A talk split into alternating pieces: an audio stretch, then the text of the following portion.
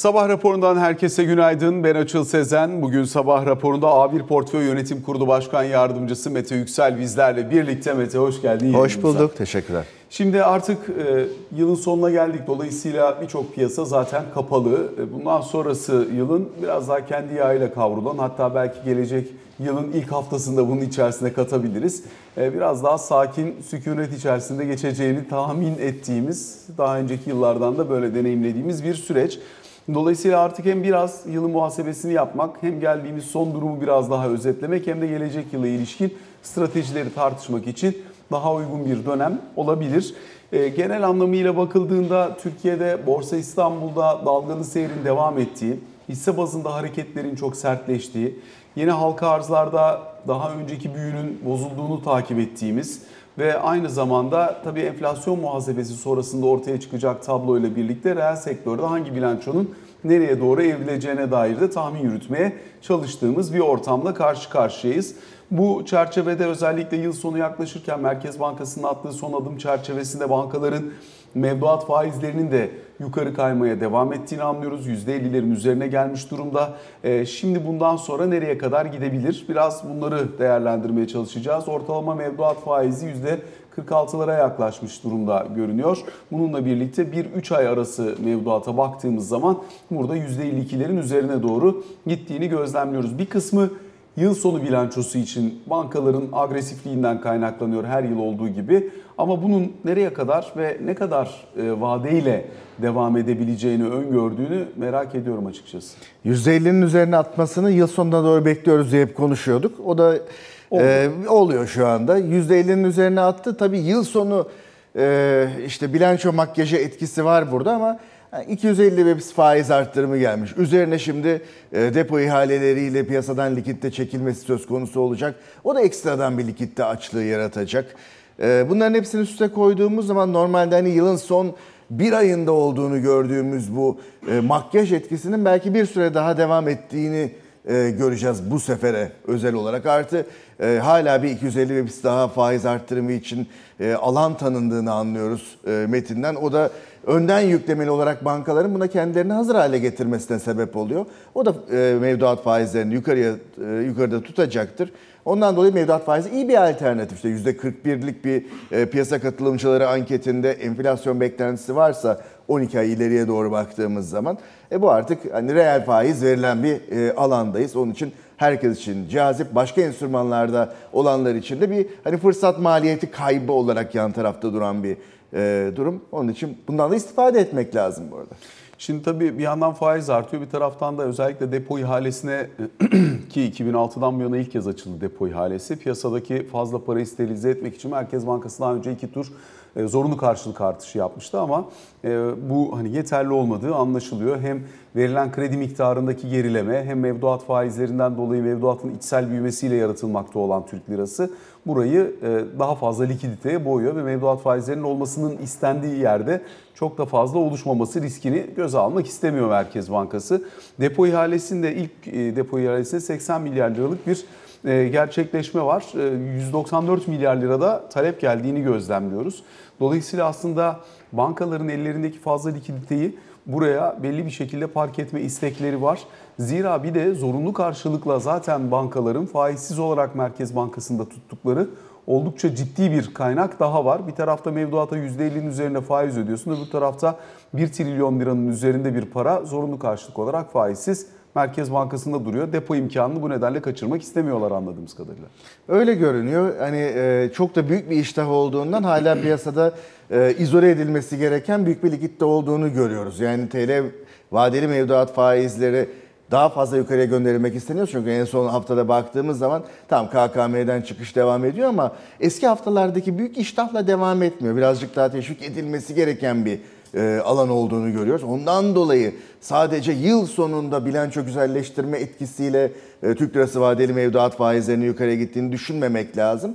E, işte bu, bu tarz hamlelerle yukarıda tutulmak için bir gayret de olduğunu net bir şekilde görüyoruz. Tabii ekonomiyi soğutmak gerekiyor. İşte enflasyonla mücadele için kredi almak isteğinin azaltılması gerekiyor. Ondan dolayı likitlerin azaltılması e, gerekiyor. Artı bankaların kredi vermekten öte iştahlarını böyle hani e, sıfır risk ağırlıklı bir şekilde depo ihalesiyle o kredi e, kitlelerini vermeyi tercih ettiği de bir dönemdeyiz. Şuna bakıyorum ben e, kredi verme iştahlarındaki azalmayla ilgili olarak her ne kadar problemli alacak oranlarında anlamlı bir yükseliş yoksa da 1.6 çünkü yani. Çok Evet yani şey yok. işte geçmişte biz 3'ün üzerinde olduğunu çok uzun bir dönem. Yani normu bunun 3 olan şey aslında 3'ün yarısında e, seyretmeye devam ediyor. Bunun normal olmadığını hepimiz biliyoruz. E, işte ufak ufak ekonomideki büyümenin de yavaşlatılmak istendiği enflasyonla mücadele kapsamında bir yıla giriyoruz. Burada doğal olarak en azından run rate'e 3'lere doğru bunu yukarıya itmesi lazım. Yani ilk sinyallerini de biz orada görüyoruz. Concordato ilanlarında çok hızlı bir aylık olarak baktığımız zaman özellikle Ekim-Kasım'da ciddi bir yukarıya artış, ivmelenme trendi var. Bu da hani önden bir uyarıdır problemli alacaklarla ilgili. E bunu da yanına koyduğumuz zaman bundan dolayı da hani sadece e, faizler yükseldi, almak isteyenin iştahı yok, bankalar vermek istemiyor vesaire kısmından öte biraz problemli alacaktaki artış da e, biraz e, bankaları durduruyor bu noktada. Bu arada tabii finansal yeniden yapılandırma anlaşması sona ermişti geçtiğimiz yıl içerisinde yani bu sene içerisinde. Dolayısıyla bunun yerine yenisinin henüz gelmediğini de görüyoruz. Dolayısıyla aslında konkordato iştahının artmasında anladığımız kadarıyla biraz bunun da etkisi var. Önümüzdeki dönemde bu tartışılacak konulardan bir tanesi olmaya adaydır gibi görünüyor. Evet bu da tartışılacak. Bunun yan ürünleri de tartışılacak. Tekrardan e, bizim işte Londra yaklaşımı, İstanbul yaklaşımı gibi geçmişte gördüğümüz bir takım e, teşviklerin yan e, ürünü olarak da bu tarafa bir çözüm bulunacağını düşünüyorum. Bulunması gerektiğini de düşünüyorum. Bunu geciktirdiğiniz zaman problemle direkt karşılaşıyorsunuz. Bu sefer bence proaktif olarak bu tarafta hani yeniden yapılandırmayı bir şekilde vergisel olarak teşvik, hep beraber yapılması gereken e, hamlelerin organize edilmesi gibi sadece bankaların kendi inisiyatifine bırakmadan e, genel olarak regülatörün düzenlemesi gereken bir kısımda olduğunu düşünüyoruz. Burada tabii şöyle bir sorun da oldu. Yani sonuçta şirketlerin bedavaya neredeyse fonlandıkları bir iki yıllık süreç içerisinde finansal yeniden yapılandırma çerçevesi işlemeye devam etti. Şimdi kredi miktarları azalıyor, işte fiyat artıyor, işte para, piyasadaki para azalıyor, sterilizasyon üzerine konuşuluyor. Hani bu ortamda korunmasız kaldı şirketler aslında. Korunmaları gereken zamanda şemsiye Esas vardı da zorlandıkları Şimdi durum şu zorlandıkları an, dönemde e, o şemsiye kalkmış oldu. O nedenle belki bir, bir, bir düzenleme gerekecek gibi görünüyor. Yoksa hakikaten daha Gerektiği gibi görünüyor. geliyor. Eminim de üstünde çalışılıyordur şu anda. diye. Peki e, yine tabii diğer taraftan baktığımız zaman özellikle kredi büyümesindeki iştahın bundan sonra nasıl şekilleneceği de önemli ya. Burada trend büyümeye baktığımız zaman kabaca %22-22,5'lar civarında bir kredi trend büyümesi var. 13 haftalık ağırlıklandırılmış diye baktığımız zaman. Bu tabii bir dönem inanılmaz yerlere gelmişti. Şimdi normalleşmeye başladığını gözlemliyoruz. Fakat e, burada homojen dağılan bir kredi yapısından farklı ihtiyaç kredilerinde giderek aşağı gelen ticari kredilerin belli bir bölümünde e, devam eden ama ticari krediyi de bu maliyetle almak doğru mudur değil midir diye çok tartışılıyor.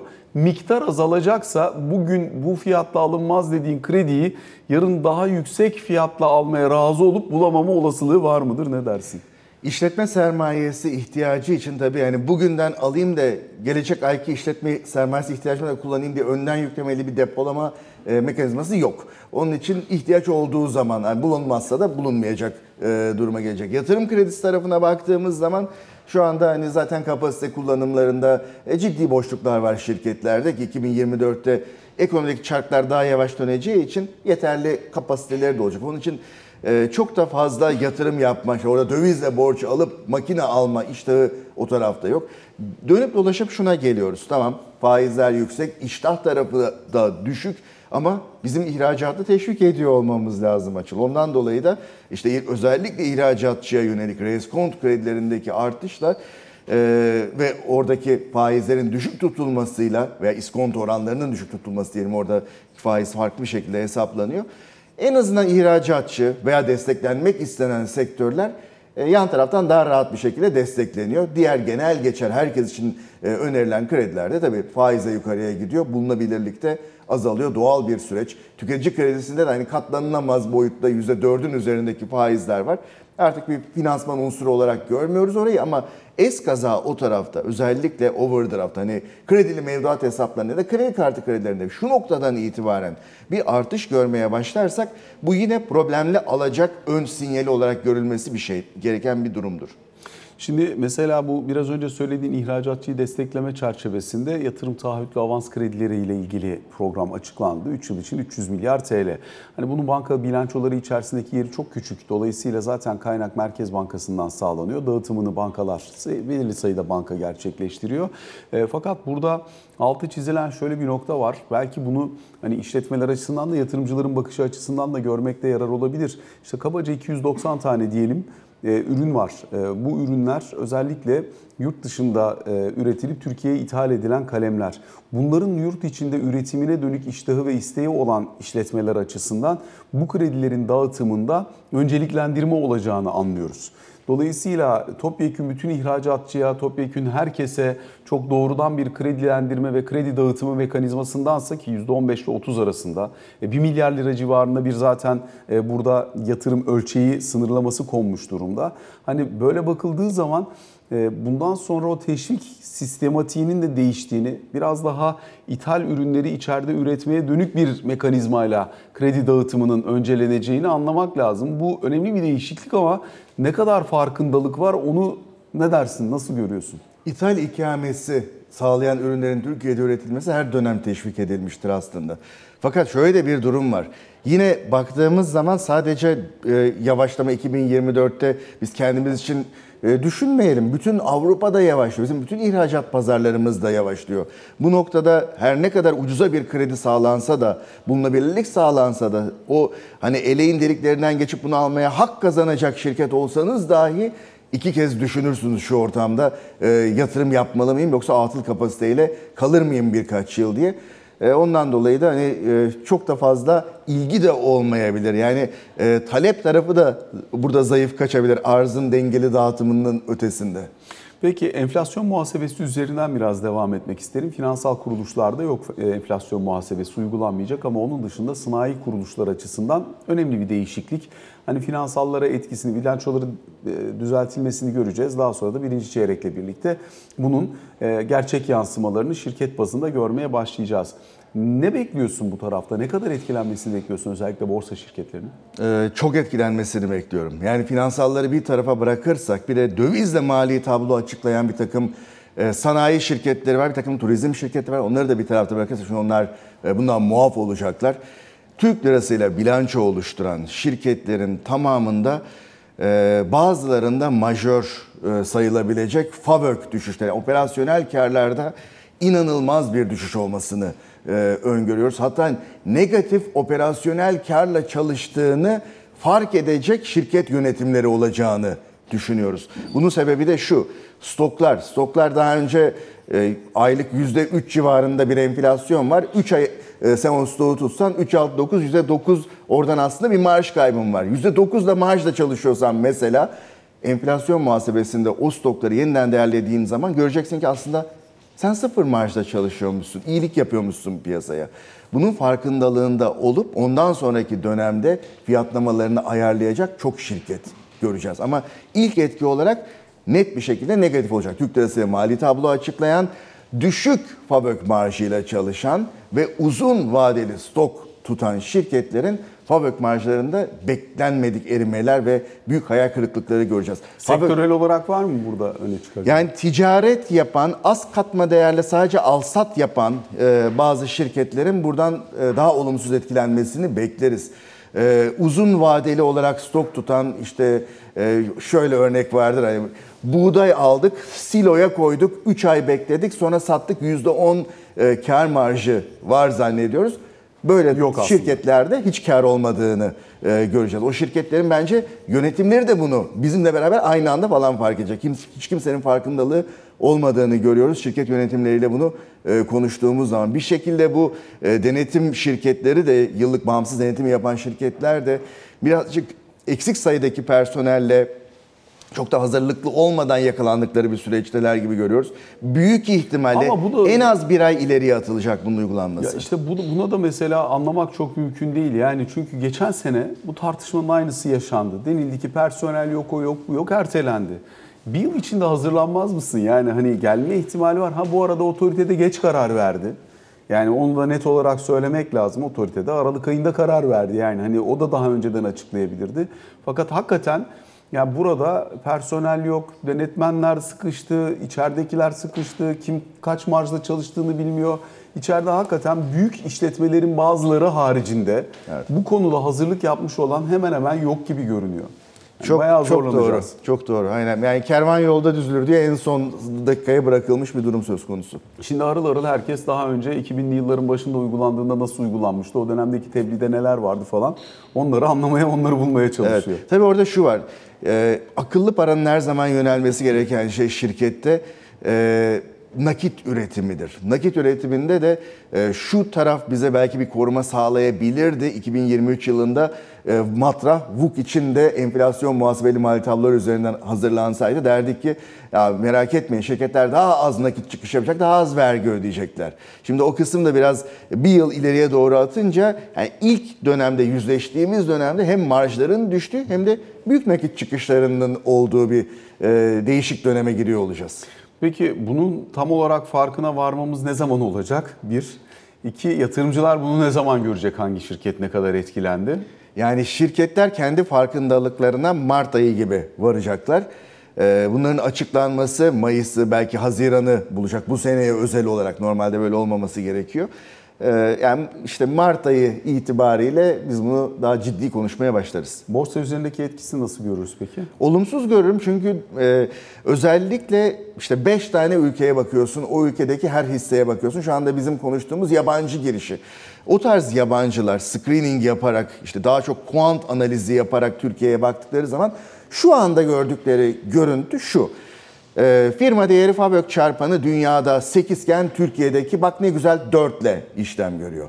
Sonra bir açıklanacak enflasyon muhasebeli FAVÖK'ler yani operasyonel karlar o operasyonel kar yarıya inmiş. Bazılarına sıfıra doğru yaklaşmış. Meğersem firma değeri FAVÖK 4 değilmiş, 15'miş, 40'mış gibi farkındalıklar olacak. O zaman da bu kuant fonlar ya pozisyon alacak ya da aldıkları pozisyon işte olumsuz yönde olacak. Keza Türkiye'de pozisyon almış olan pek çok fon yöneticisi ve kuant şekilde hisse takibi yapan analist de bu e, ilk defa e, enflasyon muhasebesi sonrası gerçek rakamlarla e, karşılaşıp buna göre pozisyon almak zorunda kalacaklar.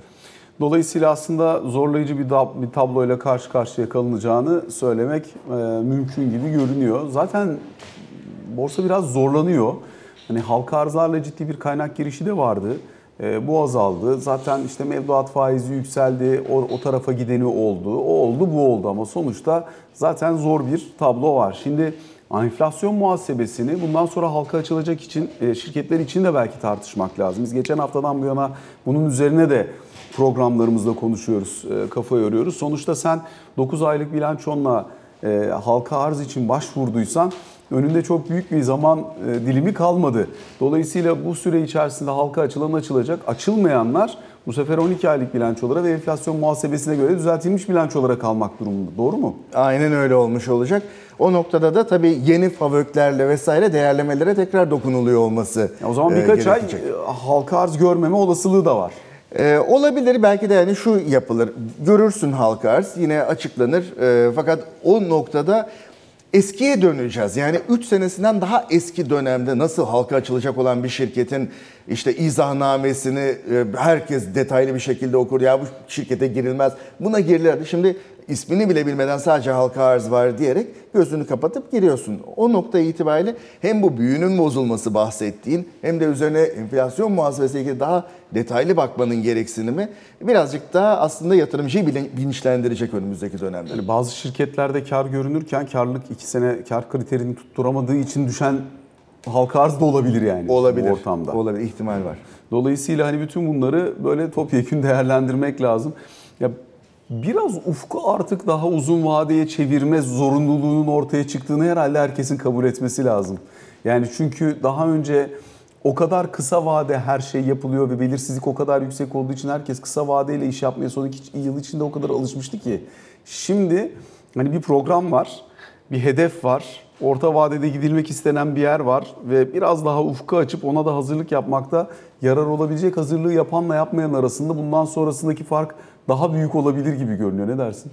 Olabilir yani güven arttıkça bu- bugüne kadar son 6 ayda müthiş bir başarıya imza attı bence ekonomi yönetimi. Ee, şirketlerin de bireylerin de daha uzun vadeli e, plan yapmak için bir yeri oluşmaya başladı. Çok doğru söylüyorsun. Önümüzdeki dönem e, bu daha da uzayacaktır. Katılıyorum. Peki şimdi bu ortamda hisse senedi piyasasının genel gidişatına bakışını da merak ediyorum. Endeks 7500 puanlara kadar geldi. Her yukarı yönlü harekette bir miktar e, sert düzeltmesi oluyor. Hacimler de nispeten düşük. Dolayısıyla yükselişler düşük hacimle gerçekleşiyor.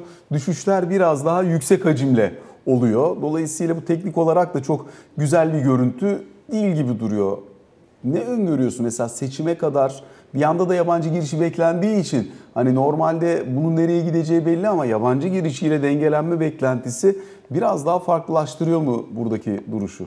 Yabancılar geliyor. Ee, büyük bir yabancı girişi gördük. Alıştığımızın ötesinde bir yabancı giriş gördük. Her hafta da bunu görmeye devam ediyoruz. Ama hala işte bir zamanlar görmeyi görmeye alıştığımız 1 milyar doların üzerine çıkmış haftalık yabancı girişlerini büyük ihtimalle yerel seçimden sonra göreceğiz. Bir bunu yazalım yan tarafa. Yerel seçim sonrasında daha fazla yabancı geleceği için borsayı daha yukarıya itebilir. Fakat içinde bulunduğumuz ortamda özellikle yılın son bir haftasına girerken bir kere bugüne kadar en azından bankaları yukarıya taşıyan yabancıların bu hafta kaybolduğunu göreceğiz.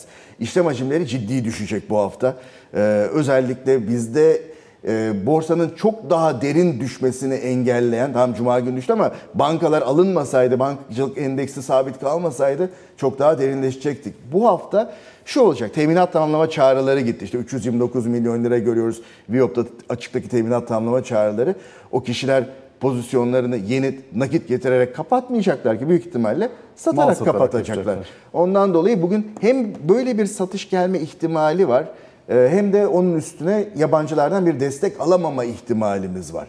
Ben şöyle görüyorum. Çok çok kısa vadede yerli yatırımcıların gücü borsayı yukarıda tutmaya yeterli olmayabilir. Yabancılar da olmayacağı için birazcık daha yatay aşağı doğru bir seyir bir süre daha devam edecek gibi. Yılın başında da hemen hop dediğin zaman yabancı yatırımcı e, masasına oturmuyor. Onu yani bir hafta, iki hafta gibi daha sonra Ocak ortası itibariyle tekrar ısınmaya başlayacak e, piyasaya. Ondan sonra da bizim yerel seçim tartışmalarımız belki bir miktar gelmelerini e, engelleyecek. O dönemde yine yerel, yerli yatırımcı e, borsayı taşır. Yine %50'nin üzerinde Türk lirası vadeli mevduat faizlerinden bahsediyor olacağız. Ana para koruman var, reel olarak getirin var. Niye borsada kendini riske atasın ki? E bir de borsada da işte hep bahsettiğimiz kredili pozisyonların şu anda aşağı geldiğini görüyoruz. Yüksek faizler dolayısıyla o tarafta taşıyamayacak. Onun için hani birazcık borsanın uzaklaşmamız gereken bir e, kısa vadeli süreçteyiz bence şu anda. Peki yabancının bono iştahı konusunda ne söylersin? Şimdi bono piyasası da aslında o kadar sığlaştı ki. Yani özellikle tabii getiri eğrisinin uzun tarafı 2 sene boyunca sürekli e, menkul kıymet cüzdanında tutulması e, yükümlü hale gelmiş bir bankacılık sektörüyle ilerlendiği için orada kağıt arzı sınırlı. Var olan kağıda da biraz yabancı girdiğinde getiri eğrisinin uzun tarafı çok sert aşağı geldi. Şimdi özellikle yabancı para cinsinden e, yükümlülüklerde bir puanlık indirim menkul kıymet tesisinde burayı bir parça hani bir parça olsun toparlayabilir belki ama orta uzun vadede TL'nin getiri eğrisinin doğru ve para politikasının ima ettiği yere yakın yerlerde şekillendirmesi önemli olacak gibi görünüyor. Ne dersin bono tarafına?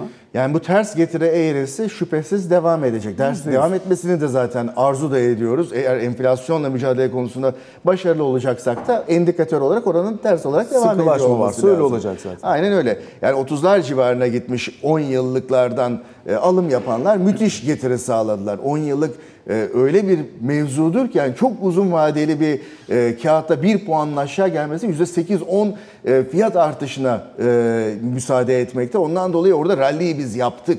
Büyük bölümü geride kaldı. Hani İşte orada ben de onun için soruyorum. Ha, Yani 24-25'te ise şu anda, şu anda aynı oranda cazip midir ben yani? kimseye cazip geleceğini zannetmiyorum şu anki durumun.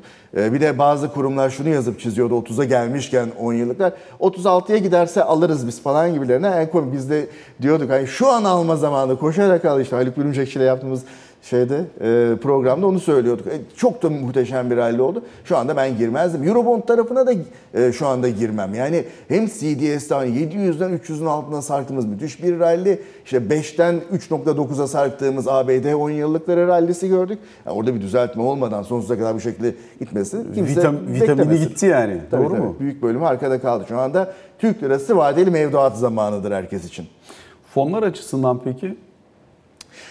Ee, şöyle orada en e, anlamlı getiriyi biz e, özel sektör tahvillerinde görüyoruz. Ama özel sektör tahvilleri içeren fonlar ve onların bağlı olduğu para piyasası fonları hem güvenli liman hem de getiri olarak anlamlı bir getiri sağlıyor şu anda. Fakat ÖST fonlarında da geçmişte şunu gördük.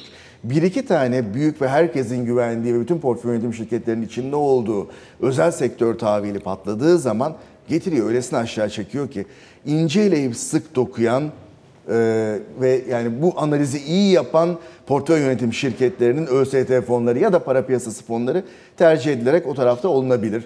Altın tarafında hala gidecek yer olduğunu düşünüyorum. 220 e, 2250 dolarlar civarında e, bu sene içinde göreceğiz. Büyük ihtimalle de ikinci yarısına 2024'ün ikinci yarısına kalmadan biz bu e, seviyeyi göreceğiz. Onun için ons altında belki bir miktar saklanmakta bu dönem fayda var. Yani riski azaltıp Mart sonrasına risk iştahımızı sakladığımız bir araf dönemi içinde olacağız. Döviz hangi oranda taşımak gerekebilir? Yani şu anda döviz tutmanın çünkü ciddi bir maliyeti var. TL karşılığı olarak. Kur korumalı mevduat da hala bir miktar, programın başında bahsettik, hala bir miktar avantaj sunuyor. Yani aslına bakarsan kabaca yine e, 25 ile 35 arasında bankadan bankaya değişiyor ama e, dövizine bir para alabiliyorsun. Bu önemli bir getiri. Şu anda başka bir yerde de yok aslına bakacak olursan. Orada bir vergisel düzenleme gelebilir dedi e, Hazine ve Maliye Bakanı Mehmet Şimşek. Bunu önemsemek lazım. Ne zaman geleceğini bilmiyoruz ama e, orada bu sistemi destekleyen teşvikler ortadan kalkarsa o zaman mı daha fazlasını beklemek lazım iştahtaki azalışta? Ee, şöyle o dönem belki DTH'a parayı koymak için geç bir dönem olacak. Çünkü o noktaya geldiğimiz zaman belki DTH'ta faizlerin de aşağı geldiği bir dönem olacak. Şu anda e, döviz tevdiat hesaplarında da anlamlı faizler ödeniyor. 3, 4, 5'ler montana göre, vadeye göre bulunabiliyor. O tarafta lak etmek için, yani uzun vadeli olarak parayı park etmek için e, cazip bir alan yaratıyor aslında. Döviz tutacaklar. Eğer ki kasada tutuyorsan ve yurt dışında tutuyorsan %0.02 faizle vesaire yanıyorsun da büyük bir fırsat maliyeti var orada. Ya Türkiye'de e, döviz tevdiat hesabında tutup bir getiri sağlamak lazım. Ya altın işte en direkt bir şekilde en azından altının getirisinden de e, faydalanmak için ya da e, döviz tevdiat hesabını görüyorum döviz tarafında. Mete Yüksel çok teşekkür ediyoruz. Bu sabah yayınımıza katıldığın, bizlerle birlikte olduğun için kısa bir aramız var. Sonrasında ikinci bölümde Ali Can Türkoğlu ile karşınızda olacağız.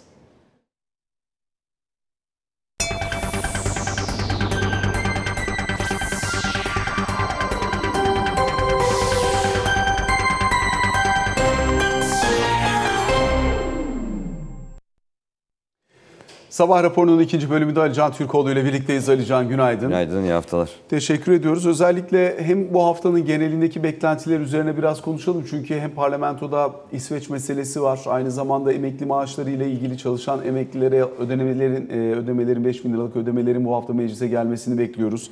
Diğer tarafıyla da asgari ücretle ilgili sürecinde bu hafta tamamlanmasına dönük beklenti var. Şimdi bir kere mecliste e, bütçe tamamlandıktan sonra ara verilmeyeceğini ve görüşmelerin devam edeceğini söylemiştik. E, bütçe tamamlandı, bugün oylaması gerçekleştirilecek ve ara vermeden devam edecek. Ara vermeden devam edecek dememdeki hususta senin sorun aslında. E, meclise torba yasa e, görüşme mecliste torba yasa görüşmelerine devam edilecek. E, yarından itibaren 86 maddelik bir e, torba yasa gelmişti. 43 maddesi geçirilmiş ve ara verilmişti. İşte devamındaki 43 maddenin geçirilmesi için Salı günü Meclis Genel Kurulu tekrar toplanacak. Bu maddelerden birisi de çalışan emeklilere de 5 bin lira ikramiyenin verilmesine ilişkin husus. Dolayısıyla bir kere yoğun bir şekilde e, bu torba yasanın geçmesi için görüşmeler devam ettirilecek bu hafta içerisinde. Bir. İki, yine yarın bu sefer Meclis Dışişleri Komisyonu'na İsveç'in NATO üyeliği konusu Bu arada şunu sorayım. Çalışan emeklilere yapılacak olan o 5 bin lira eğer yasal düzenleme bu hafta içerisinde geçecek olursa yıl bitmeden hesaplara yatacak. Yatacak Doğru evet mu? amaç amaç oydu zaten. Amaç e, 1 Ocak gelmeden bu e, ücretlerin bu ikramiyelerin hesaba yatmasıydı. E, Dolayısıyla yarından itibaren çok hızlı bir şekilde genel kuruldan geçirileceği ifade ediliyor. İki tekrar e, yine mecliste bu sefer Meclis Dışişleri Komisyonu'nda İsveç'in e, NATO üyeliği konusu görüşülecek. Bu da yarın e, 10 ayrı hususla beraber 10 ayrı e, uygun görülmesi beklenen düzenlemeyle beraber Meclis Dışişleri Komisyonu'nda görüşülecek. Sonrasında da hemen genel kurula sevk edilmesi bekleniyor. Dolayısıyla meclis gündeminin yoğunluğu bu iki madde üzerinde olacak gibi. Onun dışında kabine toplantısı olacak bu hafta. Bildiğim kadarıyla çarşamba günü e, gerçekleştirilecek. İşte bu kabine toplantısının muhtemelen öncesinde de yani ya salı ya çarşamba sabah saatlerinde e, Asgari Ücret Tespit Komisyonu'nun da üçüncü toplantısını yapması planlanıyor. Bu komisyon toplantısında yani üçüncü toplantıda da e, tarafların masaya bu sefer e, bekledikleri, istedikleri, düşündükleri oran neyse asgari ücrete ilişkin bu oranla gelmeleri bekleniyor ki zaten bu hafta içerisinde muhtemelen Cuma günü e, asgari ücretin son kararının ne olduğu da açıklanacak. Buradaki ana hedef ve amaç da zaten uzlaşıyla bu sürecin tamamlanması yönünde. Taraflar da bu yönde açıklama yapıyorlar şu an itibariyle. Ama dediğim gibi beklentim yarın çarşamba sabahında kalabileceği söyleniyor ama çarşamba kabine toplantısında da konuşulduktan sonra bu konuyla ilgili nihai kararın verilmesi yönünde bir hedef var. Dolayısıyla birçok başlıkla ilgili olarak bu hafta içerisinde içeride e, çok yoğun görüşmeler gerçekleştirilecek gibi. E tabi NATO konusunun yansımaları olacak. Yani İsveç'in NATO üyeliği konusu mecliste e, onaylandıktan sonra bu sefer eş zamanlı olarak Amerika Birleşik Devletleri'nden de e, Türkiye'nin F-16 talebinin onaylanması yönündeki beklenti biraz daha yükselecek. Çünkü yapılan son görüşmede hatırlayacaktır izleyicilerimiz de e, Erdoğan'la Biden arasında yapılan son görüşmeyi kastediyorum. Burada Biden'ın Erdoğan'a iki konunun beraber geçirilmesiyle ilgili olarak bir telkinde, bir talepte e, bulunduğu, bir düşüncesini ilettiği yönünde bilgi vermişti Cumhurbaşkanı kamuoyuna. Dolayısıyla meclisten bu geçtikten sonra veya eş zamanlı olarak Türkiye'nin F-16 talebinin de e, Amerika Birleşik Devletleri tarafından onaylanmasına yönelik bir beklenti var Ankara'da. Dış politika gündemini konuşurken biraz daha sanki Türkiye-Amerika ilişkilerini F-16 çerçevesinde değerlendirebiliriz gibi gözüküyor. Bir yandan da e, F-16'ların olmama ihtimali veya çeşitlendirme e, gereksinimi nedeniyle Eurofighter alımlarıyla ilgili olarak da bilindiği gibi bir süreç işliyor. Burada da Almanya'nın ikna edilmesi gibi bir durum vardı Türkiye'nin önünde. Bunu da İngiltere kendisinin yapacağını, bu konuyla ilgili devreye gireceğini söylemişti. E, F-16'larla eş zamanlı veya hemen sonrasında Eurofighter'larla ilgili olarak da olumlu yanıt gelebileceği yönünde bir beklenti var bu arada Ankara'da. Onu da söyleyelim. Dolayısıyla, biz bu hafta dış politikayı konuşurken biraz daha savunma sanayi, savunma konusunda e, ağırlık verecekmişiz gibi gözüküyor. Bir de ne yazık ki hafta sonu Şehitlerimiz e, var. şehitlerimiz var. 12 E, şehidimiz Allah rahmet eylesin tekrar tüm Türkiye'nin başı sağ olsun. E, ama terörle mücadele konusunda da geçtiğimiz haftanın sonunda konuşmuştuk burada Türkiye-Irak arasında e, yeni işbirliği alanlarının e, geliştirilmesiyle ilgili olarak ne fikir alışverişi olmuştu ve terörle mücadelede ortak adım atılması yönündeki beklenti dile getirilmişti. E, muhtemelen bugün, yarın ben bu hafta içerisinde terör konusunda, terörle mücadele konusunda Türkiye'ye destek verilmemesi, Amerika Birleşik Devletleri'ni kastediyorum. Amerika Birleşik Devletleri Türkiye ilişkileri konuşulurken masadaki başlıklardan birisi olacak gibi gözüküyor. Genel gündemi değerlendirirken bunu da söylemek istedim. Tekrar bütün Türkiye'nin eee, başı sağ olsun 12 şehidimizle ilgili olarak. Biz de başsağlığı diliyoruz. Ee, Türkiye-Amerika Birleşik Devletleri ilişkileri açısından da önemli, şöyle de önemli. Daha seninle geçen hafta konuşmuştuk Amerika'da onaylanan bütçe tasarısının içerisinde özellikle e, PKK, YPG'ye, savunma verilen tasarısı destek. içerisinde buradan bir maddi kaynak aktarımını bunlar da muhtemelen bu hafta üzerine daha fazla konuşulacak, tartışılacak konular olacaktır. Çok teşekkür ediyoruz Ben Alican. teşekkür. Böylelikle sabah raporuna bugün için son noktayı koymuş oluyoruz. Hoşçakalın.